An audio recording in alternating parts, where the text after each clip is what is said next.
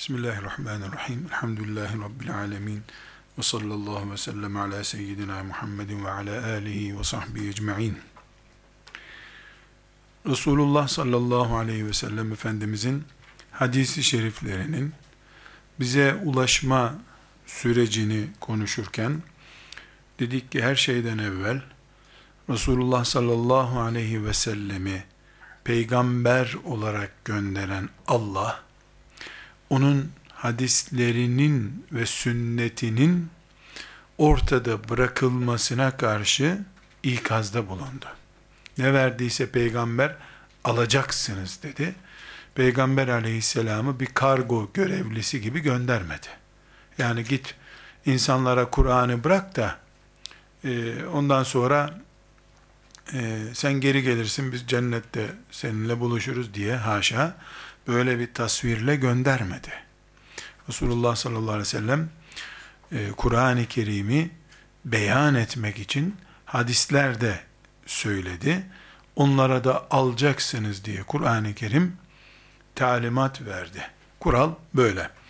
Sonra Peygamber sallallahu aleyhi ve sellem bizzat kendisi koltuğuna yaslanmış adamların, karnı tokların, e, sünnetini, hadislerini hafife alabileceklerini önceden ikaz etti.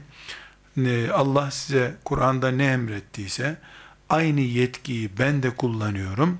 Size e, emrediyorum, yasaklıyorum dedi.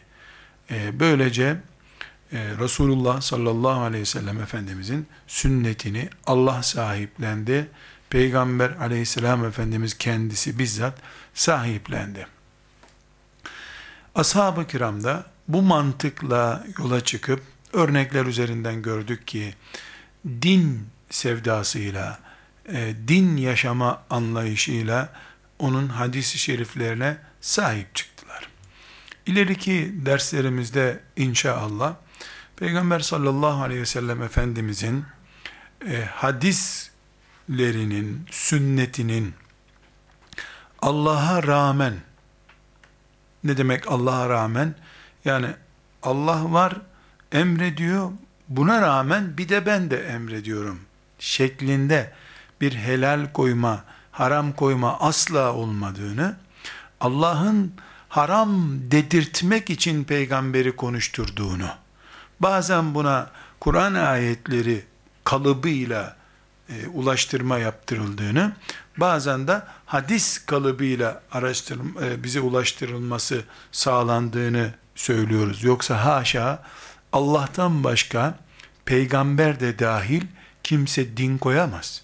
Peygamber sallallahu aleyhi ve sellem kendisi de kuldur. O hiçbir şekilde bana da ibadet edin dememiştir. Bana ibadet edin demeyen haramdır, helaldir da diyemez zaten. Allah'a ibadet edin dediği gibi Peygamber sallallahu aleyhi ve sellem Efendimiz Allah bunu da size haram ediyor. Kur'an'ında haram ediyor, benim lisanımda haram ediyor. Haram eden Allah'tır hep. Helal bırakan Allah'tır hep. Ne peygamber ne de başka bir kul kullara ilah otoritesi kullanamaz. Kullanmadı da zaten. Bu sebeple bu ayrıntıya inşallah e, hadisi şeriflerin konumu ile ilgili değerlendirmeler yaptığımızda buna temas edeceğiz. Demek ki Allah sahiplendi sünneti, hadis-i şerifleri. Peygamber sallallahu aleyhi ve sellem e, bunlar ulu orta sözler değil dedi, sahiplendi. Ashab-ı kiram din gördüler. Onlardan da tabi'in nesli, yani Peygamber Efendimiz'i gören ashab-ı kiramı görmüş nesil yani sahabinin talebeleri olağanüstü denebilecek muhteşem bir gayretle insanlık tarihinin tekrarı çok zor bir sadakat ve vefa örneklerini göstererek Peygamber sallallahu aleyhi ve sellemin hadisi şeriflerini e, omuzladılar deyim yerindeyse. Onlar hem ashab-ı kiramı e, bir hoca gibi alıp hocanın önünde talebe nasıl durursa o şekilde durdular. Bir yandan da kendileri de çok güzel hoca oldular. çok muhteşem bir e, sahne ortaya çıktı. E, Ashab-ı kiramın kaliteli talebeleri oldu. Bu kalite ihlas açısından kalite, zeka açısından kalite, performans açısından kalite. Çok yönlü bir kaliteli e, nesil yetişti ashab-ı kiram içerisinde. Onların talebeleri arasında aynı zamanda. E, hadis-i şeriflerin bize ulaşmasında sistematik bir görüntü tabii nesli içinde başladı. Daha önce farklı açılardan temas etmiştik. Ashab-ı kiramın böyle hadis dersi vereyim filan diye bir derdi olmadı. Resulullah sallallahu aleyhi ve sellemin veda hutbesindeki benden bir söz de olsa ulaştırın ha. Belki sizden alacak olanlar daha değerli olurlar şeklindeki uyarısından dolayı onlar din götürdüler. Dinlerini e, başka bir nesle taşımaya çalıştılar. Tabi'in neslinde hadis ilminin oluşmaya başladığını görüyoruz. Tabi'in neslinin talebeleri çok ciddi bir gayret gösterdiler. E, Ömer bin Abdülaziz rahmetullahi aleyhin e, hilafeti dönemindeki hicretin 98-99. senesine tekabül ediyor. E, yani 100 100. sene diyelim. Hicretin 100. senesinde devlet ilkesi olarak yani Ömer bin Abdülaziz'in talimatı ile e, hadisi şeriflerin e, toparlanıp kitaplaştırılma süreci başladı.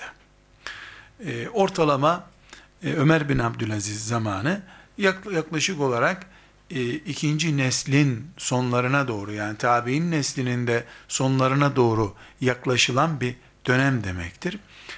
Burada bize ulaşma mantığı içerisinde ele aldığımızda hicretin 100. senesinde yani tabi'in neslinin yaşlılık döneminde ve bir sonraki nesle intikal ettiğinde hadislerde bir isnat sistemi oluştuğunu görüyoruz.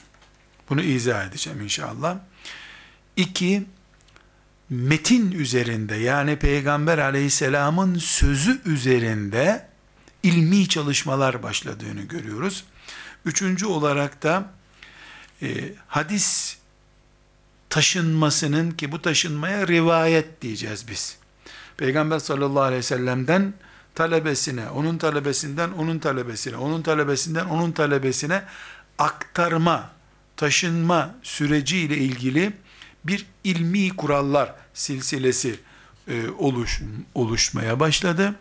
Ve dördüncü olarak da artık e, hadisle ilgili kitap çalışmaları başladı. Bu kitaplar e, alimler tarafından ele alınmaya başlandı. Tenkit edildi, övüldü, takdir edildi. Bilhassa e, Medine'de İmam Malik'in Muvatta isimli, El Muvatta isimli kitabını yazması, e, Harun Reşit zamanında bu kitabın e, adeta devletin eğitiminde bir numaralı kitap gibi algılanmaya başlanması, hadis ilmiyle ilgili yani mesela 180 190. E, yıllara gelindiğinde veya 200. yıl bizzat yaşandığında e, şöyle bir anlayış ortaya çıkmış oldu. E, filanca hadis biliyor, hadis kitabı yazmış. Tamam aferin çok güzel yok öyle. Kim bu? Ne yazmış? Nasıl yazmış? incelenmeye başlanıyor. Şimdi burada bu kavramları tekrar açıp bir iki örnek zikredeceğim. Şimdi hadisi şerifi Resulullah sallallahu aleyhi ve sellem söylüyor. Ondan sahabi duyuyor. Sahabi Küfe'ye gidiyor, Basra'ya gidiyor veyahut da işte filan Mısır'a gidiyor. Resulullah bana dedi ki diyor. Yahut da Resulullah sallallahu aleyhi ve sellem filan yere giderken biz şöyle yapmıştı diyor. E, Resulullah sallallahu, sallallahu aleyhi ve sellem kolunu şöyle yıkamıştı diyor. Namazda ellerini şöyle bağlamıştı diyor. Sahabi bilgi taşıyor. Buna rivayet ediyor diyoruz. Sahabi rivayet ediyor. Rivayet etmek aktarmak demek. Bu rivayet kelimesi artık çok yoğun bir şekilde derslerimizde geçecek özel bir kavramdır. Rivayet ne demek? Bir kişi bir olayı anlatıyor, aktarıyor demek. Sahabiden mesela Peygamber sallallahu aleyhi ve sellem Efendimiz 10 kişilik bir gruptayken bu sözü söyledi. Çok e, iyi anlaşılacak bir örnek olarak mesela e, veda haccında işte e, bir kayanın üzerine çıktı şöyle konuştu diyor. Sahabi bunu naklediyor. Orada üç kişi bunu dinlemişti, on kişi dinlemişti. Kaç kişi ise sonra o sahabi geliyor Mısır'da, Kufe'de, Basra'da bin kişiye bunu anlatıyor. Özellikle insanlar etrafını sarıyorlar. Ya o nasıl hac yapmıştın anlatsana peygamberle diyor. Hem çok böyle olağanüstü bir hatırayı bizzat canlı yaşayalım istiyorlar. Peygamberi göremedik bari onu göreni görelim diyorlar. Hem de dini öğrenmek istiyorlar. Birinci ağızdan olayı yaşamış insanın ağzından Peygamber sallallahu aleyhi ve sellemin e, dinle ilgili emrini öğrenmeye çalışıyorlar. Şimdi üç sahabi, on sahabi neyse dinlemişti. O bin kişiye anlatıyor. O bin kişi e, hatıra dinledik, askerlik hatırası deyip bir kenara çekilmiyor. Çünkü herkese Resulullah bize demişti ki bir ayet, bir hadis de olsa başkasına anlatın bunları demişti. Öbür e, Müslüman bunu duyduğunda tabii dediğimiz yani ikinci nesil bunu duyduğunda onlar da o iman heyecanıyla yola çıkıyorlar. E, sen bunu anlatıp sevap kazandın. Ben de anlatayım ben de sevap kazanayım diyor. Kimse dağarcığını doldurmak için değil, dinini yaşamak ve yaşatmak için çalışıyor. Yani bir bilgi birikimi ya da imtihan olacağız bundan, imtihanda çıkar bu sorular, bu hadisleri ezberleyeyim değil derdi. İki derdi var herkesin, sahabinin ve sahabiden sonraki neslin. Ben Resulullah'ın dinini öğreneyim sallallahu aleyhi ve sellem, aktarayım kıyamete kadar bu bilgi taşınsın, ben de sevap kazanayım. Çünkü herkes neye inanıyor? Benim anlatımımla 10 kişi, e, mesela abdesti anlattım, As Osman İbni Affan, Resulullah böyle abdest almıştı diye öğretmiş. Osman'dan filanca duymuş, o da filancaya aktarmış. Bütün e, bu mesela üçüncü anlatan kişi 50 kişiye öğretmiş. 50 kişi abdest aldı. 50 kişinin abdesti onlar için sevap. Onlar kimden öğrendiyse 50 sevap ona yazılıyor. O 50 kişinin sevabı 51 oluyor. Osman İbni Affan'a yazılıyor. 52 sevapta Resulullah'a yazılıyor. Çünkü dinde kural nedir? Bir iyiliği aktaran o iyilik yapıldıkça o sevabı alıyor. Dolayısıyla bugün bu şu takvimin gösterdiği günde şu dünyada misal 3 milyar abdest alınmıştır diyelim. Namaz kılan Müslümanlar günde 5 defa abdest alıyorlar ortalama. E, şu kadar Müslüman namaz kılıyorsa e, 3 milyar abdest. Bugün Resulullah sallallahu aleyhi ve sellemin hanesine 3 milyar abdest sevabı yazılıyor. O abdesti Osman İbni Affan aktardıysa 3 milyar sevap da ona yazılmış oluyor. Tabi rakamlar tarih boyu ilerledikçe geridekilerin sevabı artıyor. Yani ben öğrettim, hocalık ücretimi de aldım, emekli oldum, bizim çocuklar da hep hoca oldu şimdi. Öyle öğretmenlik mesleğinde var.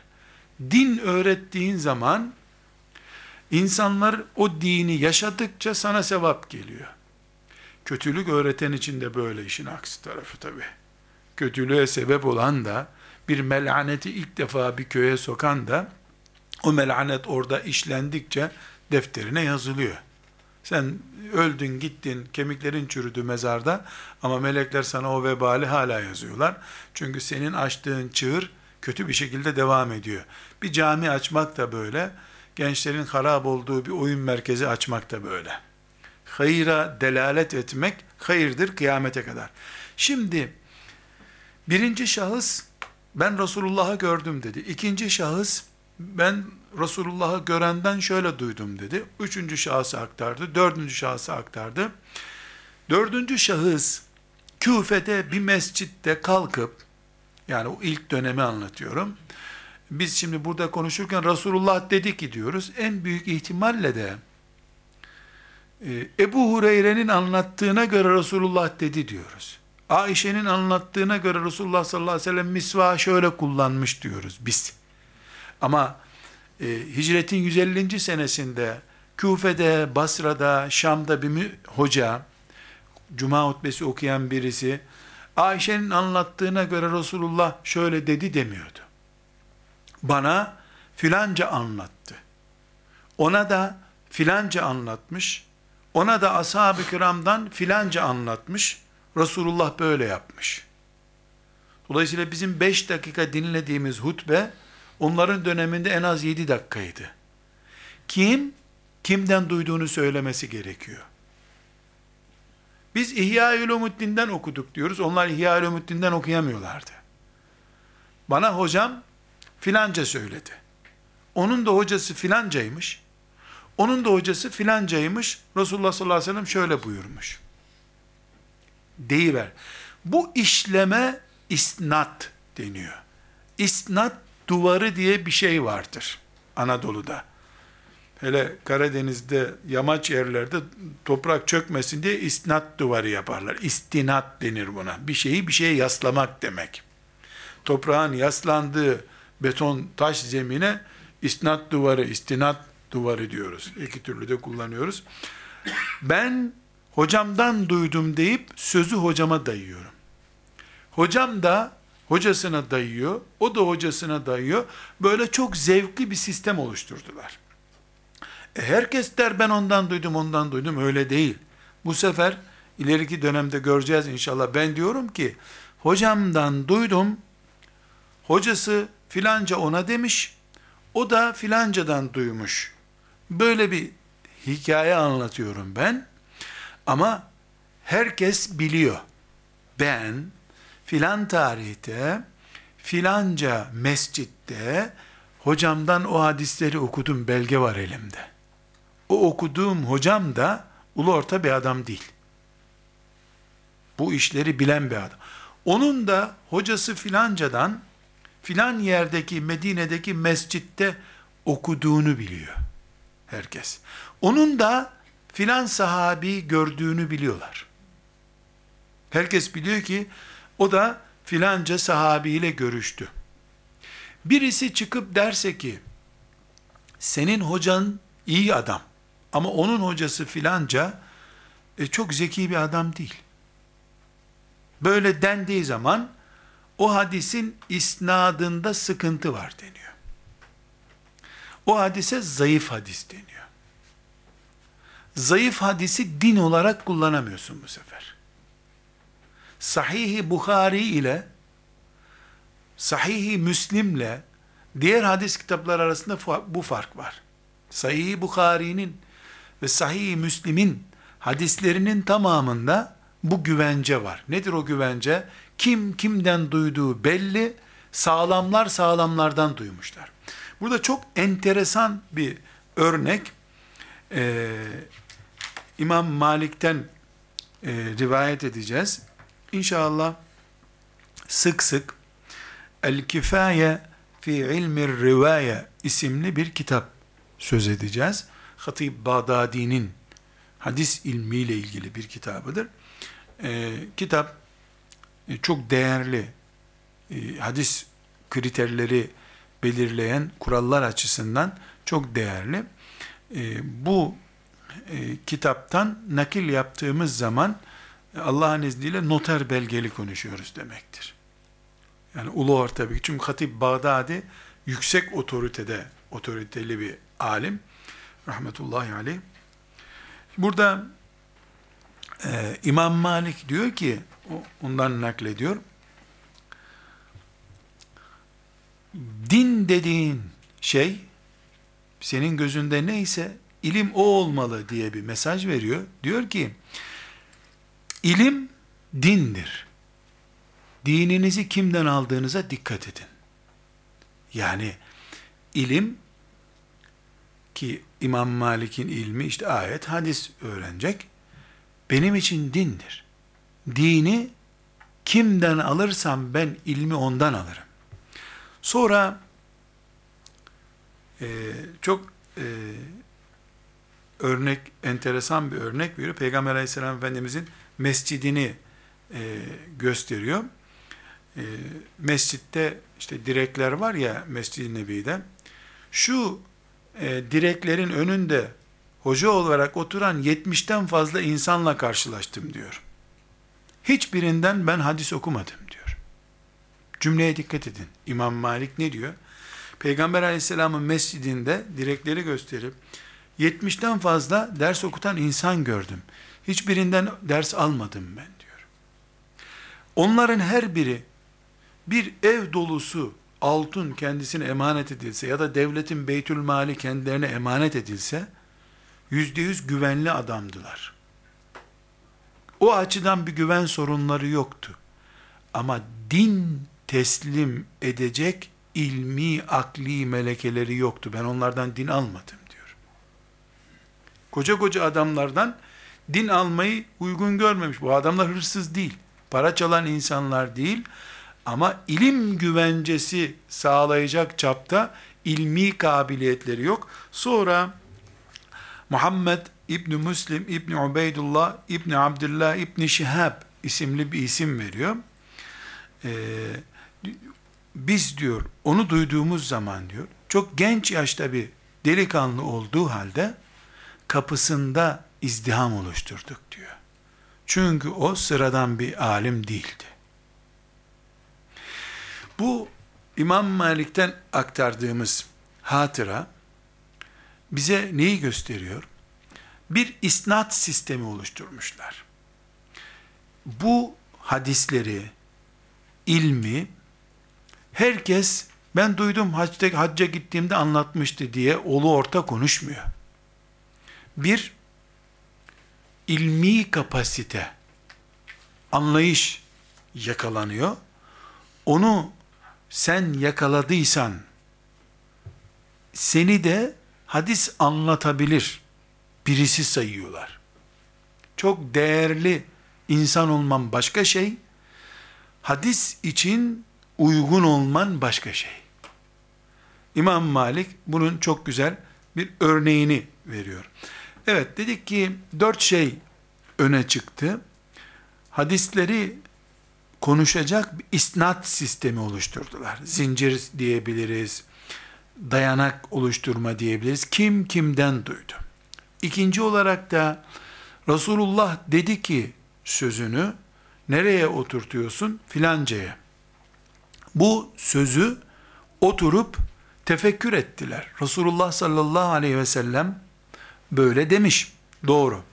Peki bu sözü filan tarihte söylemiş. Başka bir tarihte de şöyle söylediği naklediliyor. Medine'deki bir hadis hocası şöyle dedi diyor, üç diyor mesela. Ee, Basra'daki hadis hocası da beş dedi diyor. Oturup bu metinlerin yani o iki hadisin her biri üzerinde çalışma yapmışlar. Şöyle diyebiliriz. Kim konuştu da araştırılmış, konuşulan nedir de araştırılmış. Buna metin üzerinde çalışma diyebiliriz. Metin çalışması. Metin dediğimiz zaman bizzat Resulullah sallallahu aleyhi ve sellemin sözünü kastediyoruz. Burada alimler özellikle hadisi şerifleri beğenip beğenmemek gibi bir seçeneği ortaya koymamışlar haşa öyle değil. Ama bir hadisin nakledilişi esnasında onu anlatan e, sahabinin, sonraki e, talebesinin, ondan sonraki talebenin yanlış anlayabileceğini, üçü beş edebileceğini zannetmişler, tahmin etmişler, yorumlamışlar.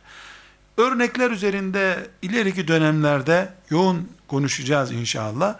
Bir isnat sistemi, bir de metin inceleme sistemi oluşturmuş. Bu ikisinden hadis, rivayet ilmi diye bir ilim oluşmaya başlamış. hadis rivayet ilmi. Yani yavaş yavaş hadis rivayeti uzmanlık konusu haline gelmiş. Bunun üzerine de tahmin edebileceğimiz gibi eserler yazılmaya başlanmış. Yani bildiğimiz Ahmet bin Hanbel'in, Buhari'nin e, ve diğer ne kadar hadis kitabı biliyorsanız bunların yüzde belki seksenine yakını ana kitapların yüzde seksene yakını 250. yıla kadar hep yazılmıştı yani. 250. yıla gelindiğinde yazılmış bitmişti eserler. Ondan sonrakiler hep tamamlama, açıklama, eksikleri giderme şeklinde yazıldı. Burada kardeşler, e, bugün Müslümanlar olarak e, hepimizin minnetle anması gereken ve önünde saygıyla durmamız gereken çok büyük bir e, külliyatla karşı karşıyayız. Bu külliyatı işte hadis kitaplarını kastederek söylemiyorum. İnsan emeği külliyatı başta olmak üzere insan emeği külliyatı diye bir külliyattan söz etmemiz gerekiyor. O emeğin küçücük bir ürünü olarak da on binlerce cilt kitap yazılmış. Ama e, bu ümmet birinci, ikinci, üçüncü, dördüncü hatta beşinci asıra kadar insan emeğini, insan alın terini bu kadar yoğun hiçbir yerde görmemiştir herhalde. Piramitler yapılırken belki firavunlar büyük köle çalıştırmışlardır ama köle veya ücretli insan çalıştırmışlardır. Hadisi şeriflere hizmet için çalışan bu on binlerce insan arkadaşlar sadece Allah'ın rızası karşılığında çalışmışlardır. Hata da yapmışlar, eksik de bırakmışlar ama çalışmışlardır.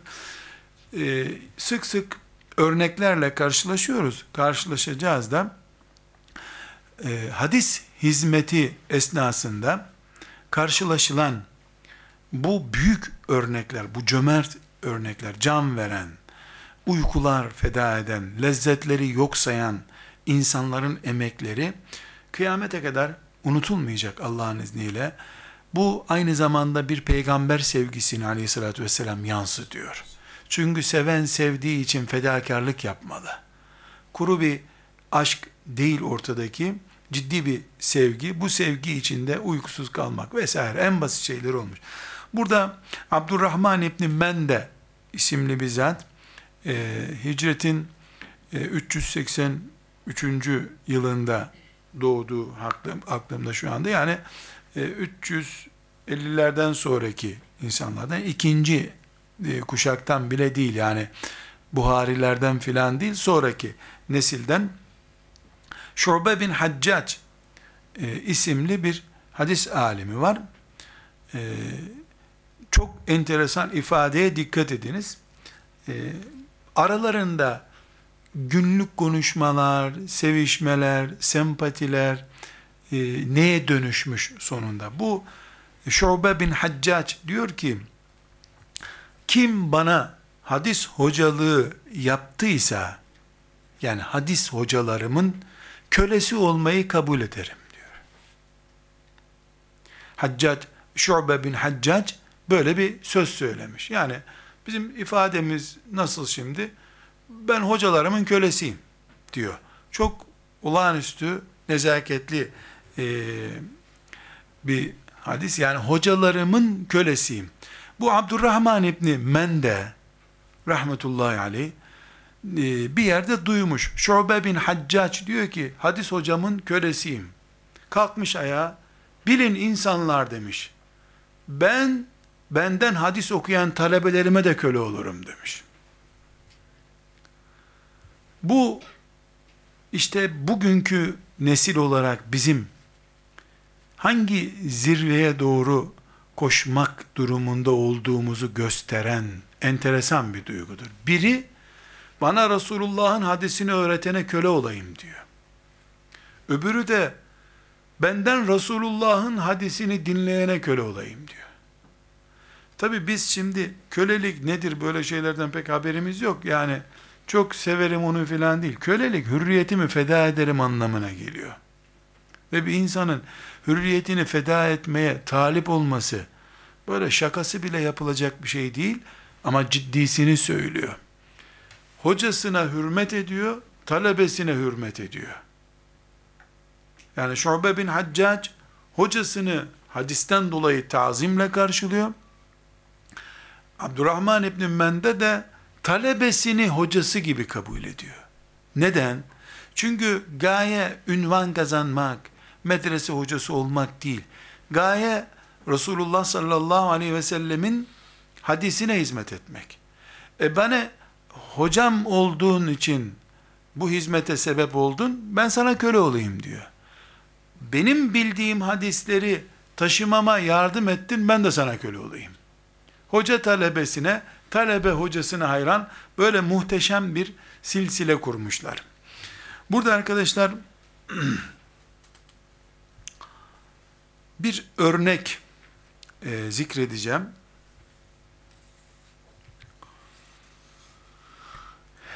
Yani umuyorum Allahu Teala bize de nasip eder. Çok da e, nasıl söyleyeyim böyle uygulanabilir bir örnek de değil ama çocuğu olanlar için babalık örneği, gençler için de gençlik örneği, bizim nazarımızda hadis okumak, hadise e, ilgi göstermek ne anlama geliyor? Bu dinin, peygamberinin sözlerini bugünlere taşıyanlar nasıl taşımışlar? E, bunu hep beraber e, dinleyelim. Arkadaşlar Siyer-i Alamın Nübela'da 20. cildin 305. sayfasından naklediyorum. Burada e, önemli bir not zikredeyim. Siyer-i Alamın Nübela e, bir hadis alimi olan e, Zehebi'nin kitabıdır. Ama isnatla anlatır anlattığını. Bir varmış bir yokmuş bugünkü haberlerde böyle çıkmış diye bir cümle yoktur. Kimden nerede duyduğunu söyler Zehebi. Bu sebeple e, Siyer-u Alam'ın Nübela dediğimiz zaman menkıbe değildir. Tarihi bir bilgidir, dayanaklı bir bilgidir. Rahmetullahi aleyh çok muhteşem. E, yani e, Siyer-u Alam'ın Nübela'yı konuşmaya gerek yok. Zaten sık sık dikkat ediyorsanız e, ismi geçiyor. Rahmetullahi aleyh. Ebul Vakt Abdül Evvel İbni İsa e, El-Haravi isimli bir zatı naklediyor. E, bu zat 7 yaşında iken dikkatinizi çekiyorum. 7 yaşındayken e, 465 yılında, hicretin 465. yılında 7 yaşındaymış. E, Buhari derslerine katılıp icazet almış. İcazet almak sembolik bir ifade değil. Birinci hadisten son hadise kadar dinlemiş. Hocası da bakmış, iyi dinliyor, imtihan etmiş, icazet vermiş. Yedi yaş. Bizde elif cüzünü çözen yedi yaşında allameden sayılıyor. Yedi yaşında. Bu zatı babasını, hocalarını, e, nakleden olaylardan zikrediyor. Ee, bu Ebul Vakt'e ait bir hatıra burada var. Bu hatırayı yani nereye örnek verdiğimi toparlamaya çalışıyorum. Şimdi çocuk eğitimi desem oturmuyor bir yere. Fedakarlık desem e, yani yapılabilir bir şey değil. Yahu ne değerli adamlarmış desem hep diyoruz zaten. Ben bir şey demeyeyim olayı anlatayım. Zeyb'in anlattığı gibi burada size nakledeyim. Kirman isimli bir yere gittiğinden naklediyor. Ee, küçük e, yaştaki bir olayı nakledecek. Ee, bu Kirman'a Ebul Vakt isimli zata gitmişler. Ee, önüne gittik, oturduk, elini öptük diyor. Hoş geldiniz, buyurun diye sormuş. O da demiş ki, E, özellikle sana geldik demiş. Ziyarete geldik. E, ve ben senin hadislerini kitaptan okudum. E, şimdi de bizzat senin huzuruna çıkmak istedim. E, bana hatırlarını, hatıralarından naklet, icazet ver. Yani bir alemi ziyarete gittik. Kabul et demiş. Sonra Ebul Berekat'a giden birisinin, şey, Ebul Vakte giden birisinin hatırasından naklediyoruz. Sonra biz işte hatıralarını dinlemeye geldik senin filan deyince ağlamaya başlamış bu zat. Ee, sonra da ellerini kaldırıp dua etmiş, mahcup etme ya Rabbi beni demiş. Bunlar beni adam zannetip geldiler buraya filan vesaire. Şimdi onlar ona tazim ediyor. O kendini e, yere çalıyor, küçük görüyor. Ee, bu niye ağladığına merak etmiş. Demiş ki yavrum ben de çok genç yaşta e, hadis okumaya başlamıştım. Babam beni Afganistan'da bir yerden, Herat'tan e, Boşank diye bir yere götürdü demiş. 10 e, yaşından küçüktüm o zaman. Olay burada başlıyor. Bu Ebul Vakt isimli zat karşısında bir çocuk görünce kendi çocukluğunu hatırlamış ve ilk defa hadis okumaya gidişini anlatıyor şimdi. Dikkat ediniz. 10 yaşından küçüktüm diyor. Yola çıktık. Babam beni hadis okumaya götürdü. Ee, yola çıkarken bana iki tane büyük taş verdi diyor. Dikkat edin arkadaşlar. İki büyük taş verdi. Hem gidiyoruz hem taş taşıyorum ben diyorum. Ee, babam da kızar diye taşları atamadım diyorum. Biraz yol aldık epey. Ee, babam baktı ki ben yoruldum. Ee, yoruldun mu yavrum demiş. Çok yoruldum e, demiş bu. E, o zaman biraz daha devam et demiş. Biraz daha devam etmiş. Bakmış ki toparlamaya başladı. Taşları at yavrum demiş. Taşları atınca rahat yürümeye başladım diyor. Rahat yürümeye başladım. Sonra e, babası da meğer bir alim zat imiş. Şimdi kervanla gidiyorlar. Yani neresi olduğunu bilmiyorum ama herhalde bir mahalleden öbür mahalleye değil yani bir şehirden öbür şehire gidiyorlar. Ee, yanındaki kervandakiler çok önemli inceliğe dikkat ediniz. Bakıyorlar ki yaşlı bir adam 10 yaşı 10 yaşından küçük bir çocuğu yürütüyor. Ondan sonra bir de taş veriyor çocuğun eline. Koca taşları taşıdı lan zalim bu adam diye merhamete gelmişler. Demişler ki e, şeyh demişler ver şu çocuğu bize e, biz bari bindirelim hayvana. Yani çocuğa sen eziyet ediyorsun. Bari sende merhamet yok bize ver demişler. Arkadaşlar yani cümleyi aynen okuyacağım. Adam ne cevap veriyor? Maadallahi en nerkebe fi talebi ehadisi Resulillahi sallallahu aleyhi ve sellem. Allah muhafaza buyursun. Resulullah'ın hadislerini öğrenmek için çıktığımız yolda ineğe bin, hayvana binmeyiz biz demiş. Bel nemşi. Bilakis ayaklarımızın üstünde gideceğiz. Biz hadis öğrenmek için yola çıktık. Ve ica ve iza acez çocuk hepten yürüyemez olursa erkebtu ala ra'si iclalen li hadisi Resulillah sallallahu aleyhi ve sellem. Eğer çocuk yürüyemez olursa ben onu başımın üstüne korum çünkü o hadis öğrenmeye gidiyor demiş. Burada arkadaşlar e, bu sahneyi biz filmlerde izleyebiliriz. Yapabileceğimiz, yaptığımız bir iş değil maalesef. Dikkat edin, çocuğu psikolojik olarak zorluğa alıştırıyor. Pop poplayıp hadi cicim yavrum ben seni taşırım değil, taş taşıttırıyor çocuğa medreseye gittiğinde iyi bir dinlensin, orayı cennet bilsin diye. Hayvana bindirmiyor, Resulullah'ın hadisini öğrenmeye giderken deve sırtında gitti dedirtmeyecek melekleri. Ayaklarıyla yürüyerek gidiyor. Halbuki farz değil, vacip değil. Peygamber aleyhisselam kendisi bizzat hayvana binerek gitmiş gideceği yere. Olsun, içinde bir saygı fırtınası var. Tazim var. Sonra e, Hoca efendi anlatmaya devam ediyor. Bu şekilde biz de hocamıza gittik diyor. Biz gittiğimizde e,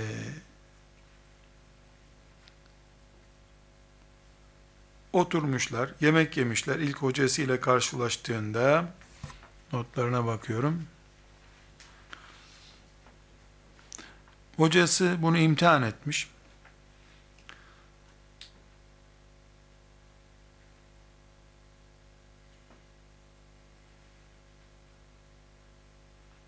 Sonra bu hocasıyla ilgili hatırasına bu e, sözünü ettiğimiz babasının taş taşıttırdığı hocası e, bir gün rahatsızlanmış. Çok e, zikreden birisi e, ziyaretçileri gelmişler. E,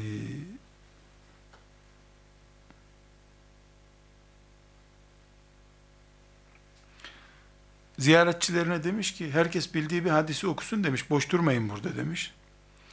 Yanındaki de demiş işte rivayetini zikrederek men kana ahiru kelami la ilahe illallah dehalel cennete.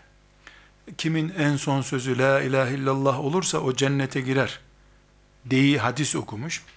Bu sefer gözlerini kaldırmış. Ya leyte kavmi ya'lemun bima gafara li rabbi ve cealeni minel mükremin deyip gözünü kapatmış. Yasin-i Şerif'ten ayetle cevap vermiş. O ona hadis okuyor. Bu da ayette cevap vermiş. Keşke kavmim Rabbimin bana ikram ettiği şeyleri bilseler demiş. Kapatmış ağzını. Babasının taş taşıttırarak hadis okumaya götürdüğü adam. Burada arkadaşlar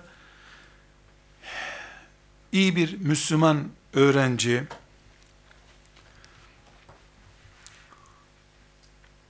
talebe olma şartları zordur. Muhakkak taş taşımalıdır. İşte aksi takdirde son nefesi ayet olmaz. Bunu örneklendirmiyoruz. Hadisi şerifleri bize ulaştıran neslin azmini, fedakarlığını konuşuyoruz.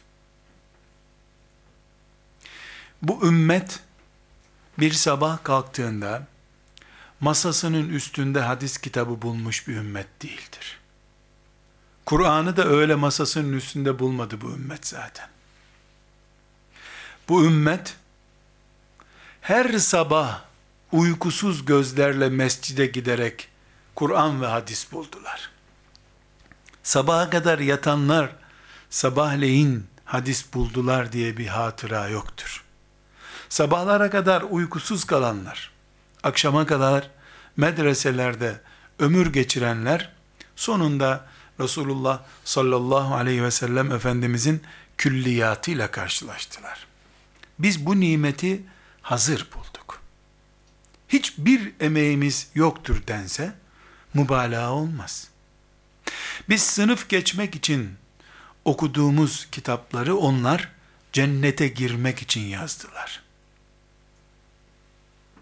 Biz maaşa bağlanırız, hoca oluruz diye umut ettiğimiz şeyleri onlar melekler görsün Rabbimiz bizi kaydetsin diye yaptılar.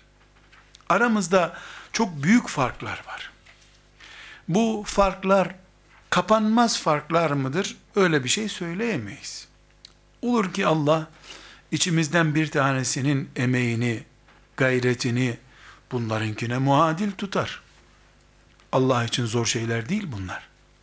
Her şey ihlasla ve samimiyetle ortaya çıkıyor. Burada bu zatın belki yüzlerce örneğini zikredebiliriz. İlk ve son örnek değil bu. Yüzlercesi zikredilebilir. Ama bilmemiz gereken şudur. Hadis-i şerifler bize bu emeklerle gelmiştir. Bunlar da tarihe geçmiş 3, 5, 10 örnekten bir tanesidir. 5 tanesidir. 100 tanesidir. Tamamı değildir.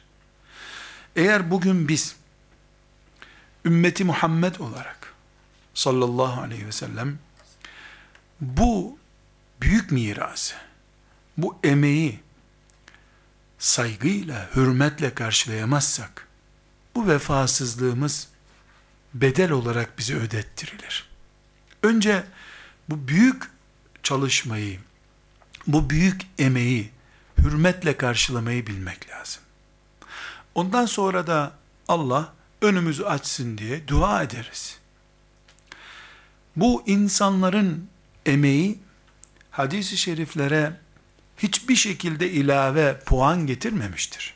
Yani insanlar bu Allah dostları, bu hadis ricali adamları bu emeği vermese de Resulullah sallallahu aleyhi ve sellemin hadisleri aynı hadislerdi. Bunlardan dolayı hadisler değer kazanmadı. Bunlar o hadislerden dolayı değer kazandılar.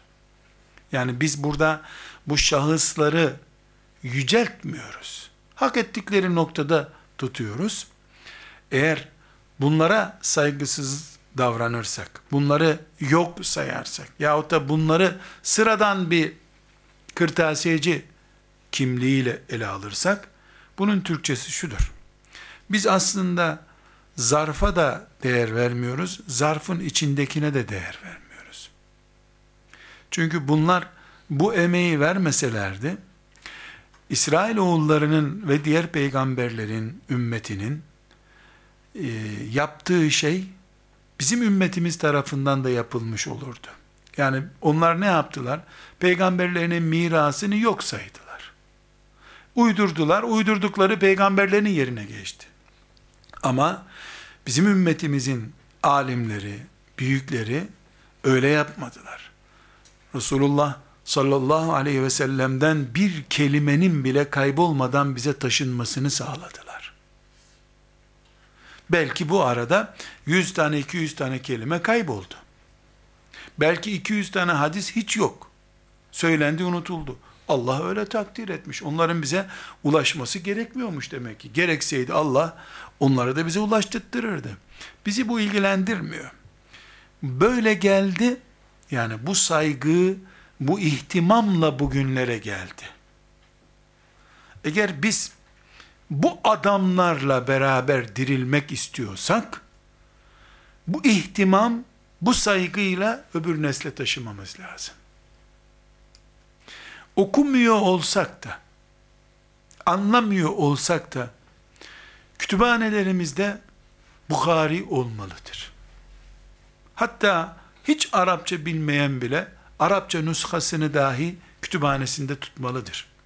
Artık dünyadan e, kağıt üzerinden kitap okumak kalksa da bir gün, dijital olsa da her şey, biz yine Bukhari'yi üzerimizdeki hakkı sebebiyle kütüphanelerimizde tutmamız lazım. Hatta Buhari köşesi diye köşe yapmamız lazım. Ama bizim hasretimiz Muhammed bin İsmail el-Bukhari'ye değildir. Muhammed bin Abdullah'ın sözleri nedir bizim saygımız? Sallallahu aleyhi ve sellem. Bunu Bukhari isimli bir dosyanın içerisinde bulduğumuz için Bukhari diye birisine saygı gösteriyoruz. Adı Bukhari değil de Ahmet diye biri olsaydı Ahmet diye birine saygı gösterecektik. Her halükarda bugün ümmeti Muhammed bu büyük ilgi, bu büyük hizmetle peygamberini bulmuş, peygamberine e, kavuşmuştur. Eğer Müslümanlar kıyamete kadar bu silsileyi devam ettiremez de işte 2000 filan yılında bu saygı zinciri, bu alaka bir yerde kopacak olursa koparanlar zor hesabını verecekleri bir hata irtikab etmiş olurlar. Biz her halükarda sevgili Peygamber aleyhisselam efendimizle olan sevgi bağımızı, saygı bağımızı pratiğe dönüştürüp Müslümanlar olarak bir hadis ilmi, bir hadis kültürü, bir hadis saygısı, bir hadisten lezzet alma anlayışı sürdürmeliyiz. Bunun için bir Müslüman bir konuşmada şu mantığı kökten reddetmelidir. Nedir o? Ben konuşma yapıyorum. Misal örneklendireyim. Diyorum ki işte Yunus Emre dedi ki Şol cennetin ırmakları akar Allah deyu deyu. Güzel. Bunu nakletmekte hiçbir sakınca yok. Sonra diyorum ki arkadaşlar, zaten Resulullah sallallahu aleyhi ve sellem de buyurmamış mıydı? Cennetteki ırmakların sesi şöyledir. Bu berbat bir şey. Çok berbat bir şey. Yunus'u da batırdın, kendinde battın o arada zaten. Kimdir Yunus? Resulullah sallallahu aleyhi ve sellem onu doğrulamak için gelecek. Bütün Yunuslar ona kurban olsunlar. Burada görünürde bir hata yok gibi görünüyor ama idrak hatası var burada. Yunus'un şiirini biz herhangi bir hadisin daha iyi anlaşılması için kullansak ona bir anlam verebilirim. Yunus'u iyi anlamak için hadis kullanamam ben. Bunu biraz daha titiz, biraz daha ince düşünceyle ayarladığım zaman, alimallah, hadislerin yazıldığı bir kitabın kenarına Yunus'tan şiir de yazmam. Çünkü aynı kategoriden değiller. Burada özellikle Yunus Emre'yi tahkir gibi e, bir gaflet içinde değilim. Yani Yunus Emre Allah diye yüreği yanmış bir insan. Onunla bir alıp vereceğim yok benim. O da razı olmazdı. Peygamber onun şiirlerini desteklemek için konuşuyor dense, o da sağlığında bunu kabul etmezdi zaten. Bizim şu anlayışta yani bu çocuk Resulullah'ın hadislerini okumaya gidiyor. Deveye binmesi çok ayıp. Hadis okumaya giden yürüyerek gitsin diyen babanın anlayışıyla bu anlayış aynı olabilir mi? Yunus Emre ile peygamberi aynı sayfada anlatmak anlayışı olabilir mi? Veya Yunus Emre değil de filan şair. Yani Yunus Emre'yi çok bilindiği için örnek veriyorum. Necip Fazıl olsun. Her kim olursa olsun hiç önemli değil. Mevlana olsun kim olursa olsun. Peygamber aleyhisselamın hadisini öğreneceği yolu cennete giden bir yol kabul eden anlayış var. Çocuk hadisi sonra hafif görsün diye onu taş taşıttıran bir baba anlayışı var. Bu tarafta da sanki normal bir e, atasözü zikrediliyor gibi hadisleri atasözü gibi algılayan anlayış var. Şiddetle muhtaç olduğumuz şey şudur. Allah peygamberi Allah'a ve peygambere hizmete adanmış insanlar ve biz ve biz ve biz Allah peygamberi Allah'a ve peygambere hizmete adanmış insanlar biz sadece onları yüreğimizdeki sevgi açısından kendimizle beraber görebiliriz. Bizi onlarla beraber görebiliriz. Aksi takdirde ciddi bir şekilde gaflet içinde, belki de kıymet bilmezlik içinde bulunmuş oluruz. Allah muhafaza buyursun. Burada Tavus'tan enteresan bir örnek var. Tabi'in ulemasından e, hadisi şeriflerin bize intikalindeki süreci naklediyorum. Müslim, Sahih Müslim'in mukaddimesinde zikrediliyor bu olay. İbn Abbas e, Buşeyr İbni Ka'b isimli talebesini oturtmuş. E, ona hadis okutmuş. İşte 1, 2, 3, 4 kaç hadis okuttuysa. Sonra da ona demiş ki, sana söylediğim üçüncü hadisi tekrar et bakayım demiş. O da tekrar etmiş. Filanca hadisi de tekrar et demiş. Onu da tekrar etmiş. Sonra bu şehir hocası İbni Abbas'a demiş ki, sen herhalde benim hadis ne demektir? Bilmediğimi zannediyorsun demiş. Yani böyle çok fena imtihan ettin beni demiş. E ne soruyorsun o numaralı hadisi oku, bu numaralı hadisi oku. Yani dinledim ben bunları. İbn Abbas'ın enteresan bir cevabı var. Müslim'in mukaddimesinden e, naklediyoruz. Diyor ki, evet yavrum diyor. Biz Resulullah'ın hadislerini dinlerken, Resulullah adına yalan konuşmak bizim aramızda yoktu. Şimdi görüyorum insanların işleri çok karıştı. Ben neyime gerek seni bir imtihan edeyim, doğru öğren bunları demiş. Bunu sahabi basireti olarak da görebiliriz. Ya da İbn Abbas'ın Peygamber aleyhisselamdan 50 sene sonra insanların ne hale geldiğine bir belge ortaya koyduğunu da anlayabiliriz. Ama her halükarda sen biliyor musun hadisleri aferin diye İmam Hatip'ten mezun etmemişler insanları. Bir imtihan söz konusu. Üstelik de bu şehir İbn Abbas'ın önüne oturduğuna göre tabiinden demek ki. Sıradan bir hacı amca da değil. Camiye giden bir Müslüman değil, bir sahabinin talebesi. Filan hadisi bir oku bakayım düzgün anladın mı demiş. Bugün elhamdülillah bize ulaşan peygamber sözleri, hadis külliyatı karma bir külliyat değil demek ki. Net elenmiş, garanti edilmiş, peygambere ait Allah'ın emaneti diye bir şuurla saklanmış hazinemiz var Allah'a hamdolsun. Bu gayret inşallah bizde de olur. Biz de bir sonraki nesle bu gayreti, bu hadis-i şerif sempatisini aşılarız ve Rabbimize bu şekilde kavuşuruz. İnşallah böyle temenni ediyoruz, niyaz ediyoruz. Ve sallallahu ve sellem ala seyyidina Muhammed ve ala alihi ve sahbihi ecma'in velhamdülillahi rabbil alemin.